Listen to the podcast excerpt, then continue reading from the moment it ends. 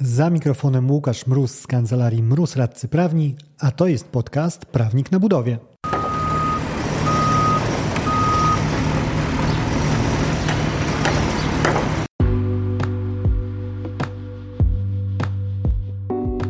Z tej strony mikrofonu radca prawny Łukasz Mróz, a to jest podcast Prawnik na Budowie, w którym mówimy o wszystkim, co związane z kontraktami budowlanymi. Idea była prosta i słuszna zarazem. Realizacja inwestycji budowlanej jest przedsięwzięciem wiążącym się ze znacznymi kosztami. Koszty te awansem pokrywa wykonawca, realizując roboty. Dajmy mu więc narzędzie zapewniające bezpieczeństwo jego interesom finansowym. Jednak teoria rozminęła się nieco z praktyką. Jeżeli nie natknąłeś się wcześniej na temat gwarancji zapłaty wynagrodzenia wykonawcy, zapraszam na przyspieszony kurs Gwarancja One on One. Gwarancji zapłaty za roboty budowlane inwestor udziela wykonawcy w celu zabezpieczenia terminowej zapłaty umówionego wynagrodzenia. Ochronie podlega zarówno wynagrodzenie określone w umowie, jak i ewentualnie zapłata za roboty dodatkowe lub konieczne do wykonania umowy, o ile inwestor zaakceptował takie prace na piśmie. Inwestor ma do dyspozycji cztery formy takiego instrumentu: gwarancję bankową i ubezpieczeniową, które obrót zna bardzo dobrze, i dwie mniej popularne akredytywę bankową oraz poręczenie banku. O zabezpieczenie wykonawca może wystąpić do kontrahenta w każdym czasie. Inwestor ma natomiast związane ręce, jeżeli chodzi o wprowadzenie do umowy rozwiązań, które miałyby zamknąć albo ograniczyć wykonawcy drogę do uzyskania gwarancji zapłaty. Jeżeli inwestor w wyznaczonym mu przez wykonawcę terminie nie wywiąże się z obowiązku przekazania gwarancji zapłaty, przed wykonawcą otwiera się możliwość zerwania współpracy przez odstąpienie od umowy. I właśnie ta możliwość w praktyce stała się przyczyną, dla której w przypadku wystąpienia poważnych turbulencji przy prowadzeniu robót w wykonawcach nagle budzi się przemożna potrzeba zabezpieczenia uzyskania wynagrodzenia dzięki gwarancji zapłaty właśnie. Do atrakcyjności scenariusza gwarancyjno-odstąpieniowego przyłożyły rękę sądy. Swoimi wyrokami wyjaśniały one bowiem detale gwarancji zapłaty w sposób bardzo, bardzo korzystny dla wykonawców. Przede wszystkim stwierdzały, że obowiązek przedłużenia gwarancji zapłaty jest niezależny od zachowania inwestora. Możliwość domagania się gwarancji zapłaty rządzi się tymi samymi prawami co wizyta w centrum handlowym z trzylatkiem w okresie przedbożonarodzeniowym. Jeżeli wypatrzy on wśród dekoracji i lampek bazę psiego patrolu, złoży żądanie jej wydania, bo chce. I nagłośnienie w centrum handlowym nie wygeneruje dość decybeli, żeby zagłuszyć te żądanie odpowiednio głośnym Last Christmas. Z tego miejsca serdecznie pozdrawiam wszystkich rodziców słuchających, słuchających podcastu i życzę nam wszystkich siły w tym trudnym okresie. W każdym razie na tej samej zasadzie zażądanie przez wykonawcę wydania gwarancji oznacza wprost obowiązek jej przekazania przez inwestora, niezależnie od posiadanych ewentualnie argumentów. W grę nie muszą wchodzić opóźnienia w dotychczasowych płatnościach. Fakt, że środki na zapłatę pochodzą z kredytu bankowego, co sprawia, że jest to bezpieczny pieniądz, także nie pozwala inwestorowi zbyć wykonawcy. Podobne rezultaty daje powoływanie się na argument: Jestem publicznym zamawiającym, więc masz do czynienia z pewnym płatnikiem. Ba, nawet skarb państwa musi pokornie zgiąć kolano i zastosować się do żądania wykonawcy.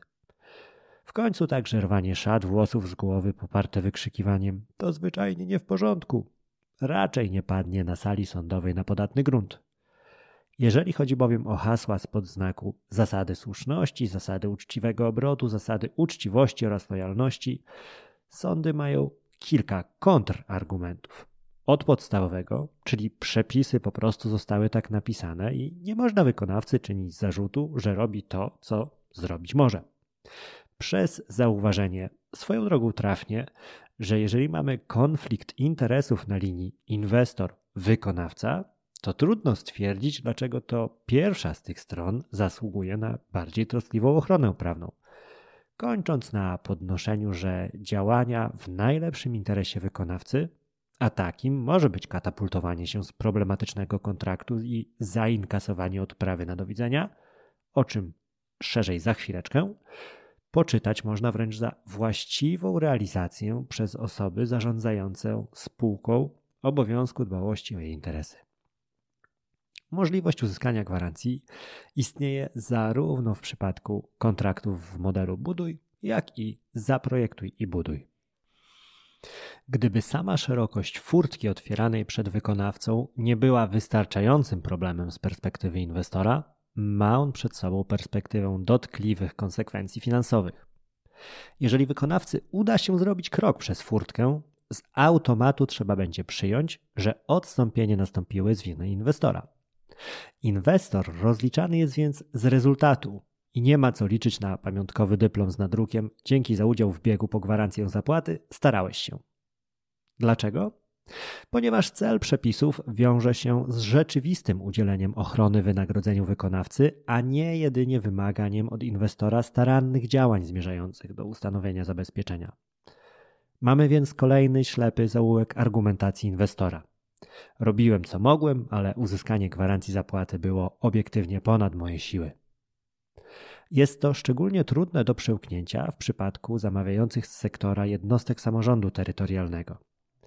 Uzyskanie zabezpieczenia będzie się bowiem często wiązało z koniecznością przeprowadzenia procedury zakupowej podlegającej reżimowi PZP.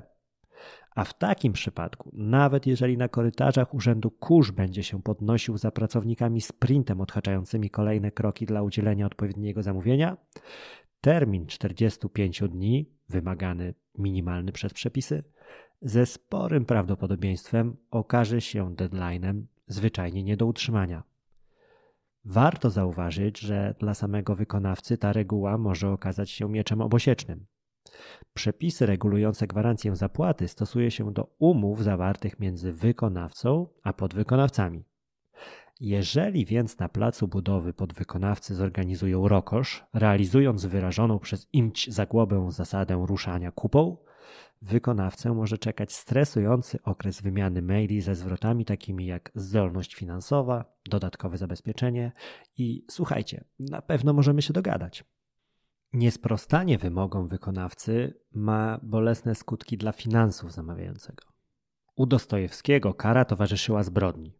U inwestora kara towarzyszy odstąpieniu przez wykonawcę od umowy. Skoro bowiem mamy przesądzone automatycznie, że samo odstąpienie wykonawcy oznacza winę inwestora, to pośrednio przyklepujemy też podstawę do naliczenia przez wykonawcę inwestorowi kary za odstąpienie od kontraktu, o ile została ona oczywiście przewidziana.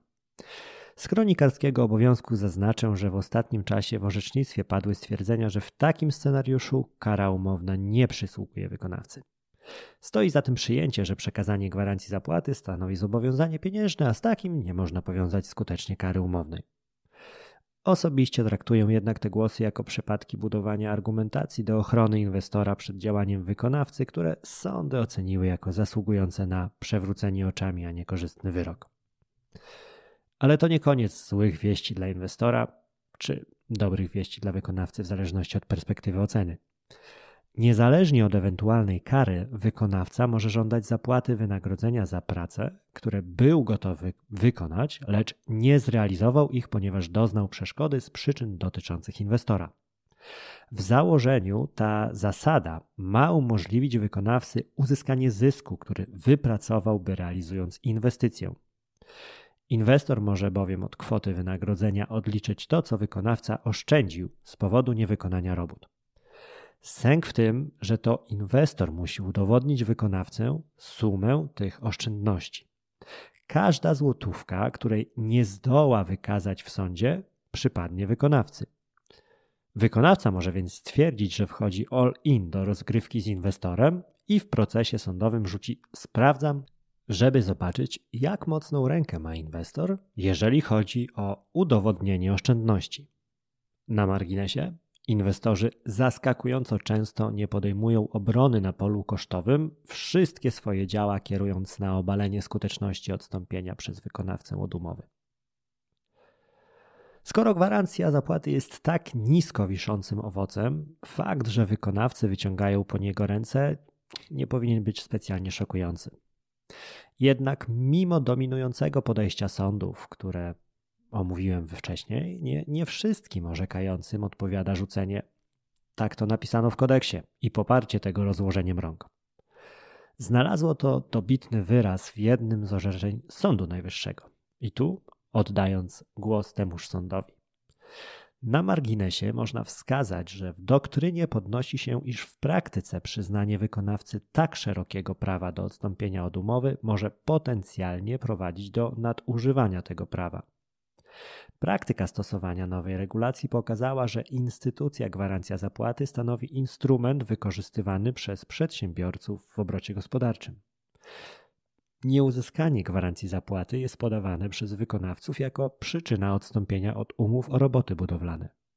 Jednocześnie nie można wykluczyć, że żądanie gwarancji zapłaty stanowi w niektórych przypadkach jedynie pretekst dla wykonawców do rozwiązania umowy, której wykonanie z innych przyczyn stało się dla wykonawcy nieopłacalne lub utrudnione. Ponadto negatywne opinie budzi także rozwiązanie uprawniające generalnego wykonawcę do żądania gwarancji zapłaty od inwestora, pomimo braku wystąpienia jakichkolwiek przesłanek po stronie inwestora, w szczególności braku zapłaty za część lub całość wykonanych robót, które mogłyby powodować obawy wykonawcy co do wykonania umowy przez inwestora. Cytat zamknij. Inwestorom zdarza się uśmiechnąć po usłyszeniu wyroku, kiedy słyszą od sądu, że nie zgadza się on ze stanowiskiem wykonawcy.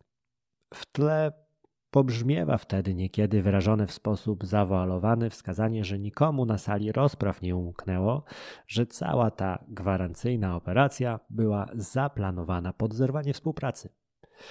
Niektóre sądy nie widzą nawet problemu z wyrażaniem wprost, co stoi za ich rozstrzygnięciem. Tak jak chociażby sąd apelacyjny w Krakowie, który napisał w uzasadnieniu wyroku, żądanie gwarancji stanowiło celowe działanie nakierowane na uzyskanie skutku odstąpienia od umowy, zmierzające do zmiany rozliczenia ryczałtowego umowy na rozliczenie w oparciu o kosztorys powykonawczy.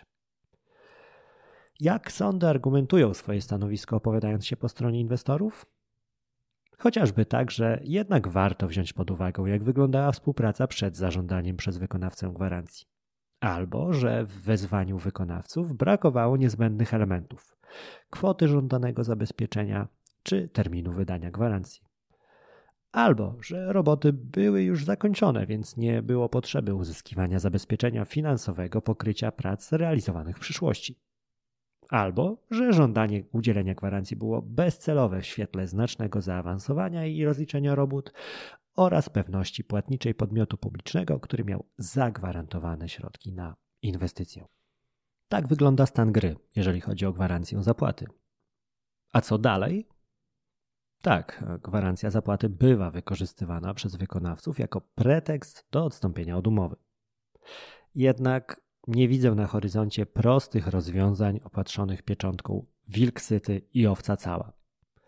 Jedną z propozycji zracjonalizowania instytucji gwarancji jest odwołanie się do realnej potrzeby ustanowienia stanu zabezpieczenia. Łatwo intuicyjnie wyczuć, co stoi za tym zwrotem. I zdaje się, że byłby to ten właściwy kierunek ten, w którym utrzymujemy sens gwarancji zapłaty, jednocześnie odcinając od niej niepożądany balast potencjału nadużyć wykonawców. Jednak już krótkie zestawienie tej koncepcji z przykładowymi scenariuszami, które mogą wystąpić przy realizacji inwestycji, prowadzi do wniosku, że nie wprowadzamy bezproblemowości, ale zastępujemy jedne problemy innymi.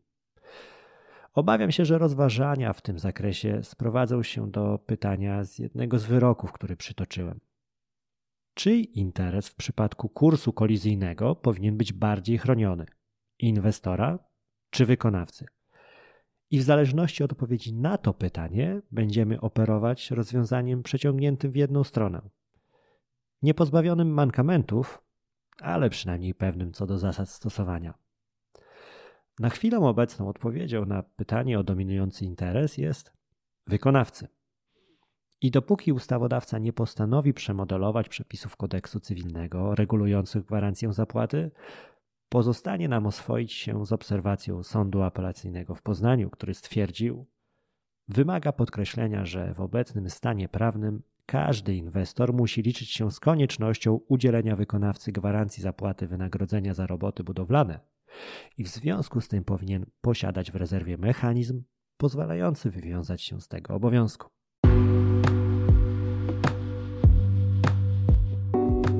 Dzięki za odsłuchanie tego odcinka. Zasubskrybuj podcast, żeby nie umknęło Ci żadne kolejne nagranie. Znajdziesz go w Spotify, Google Podcasts czy Apple Podcasts. Jeżeli natomiast chciałbyś się skontaktować ze mną, napisz na biuromałpa kancelariamroz.pl. Znajdziesz mnie też w mediach społecznościowych. Na LinkedIn wpisując w wyszukiwarce Łukasz Mróz, a w Facebooku czy na Instagramie wpisując Prawnik na budowie. Do usłyszenia w kolejnym odcinku. Dzięki za odsłuchanie tego odcinka. Jeżeli chcesz się ze mną skontaktować, możesz napisać na biuro kancelariamroz.pl albo zadzwonić na 577 665 077. Znajdziesz mnie też w mediach społecznościowych. Na LinkedIn jako Łukasz Mróz, a na TikToku, Facebooku i Instagramie jako Prawnik na Budowie.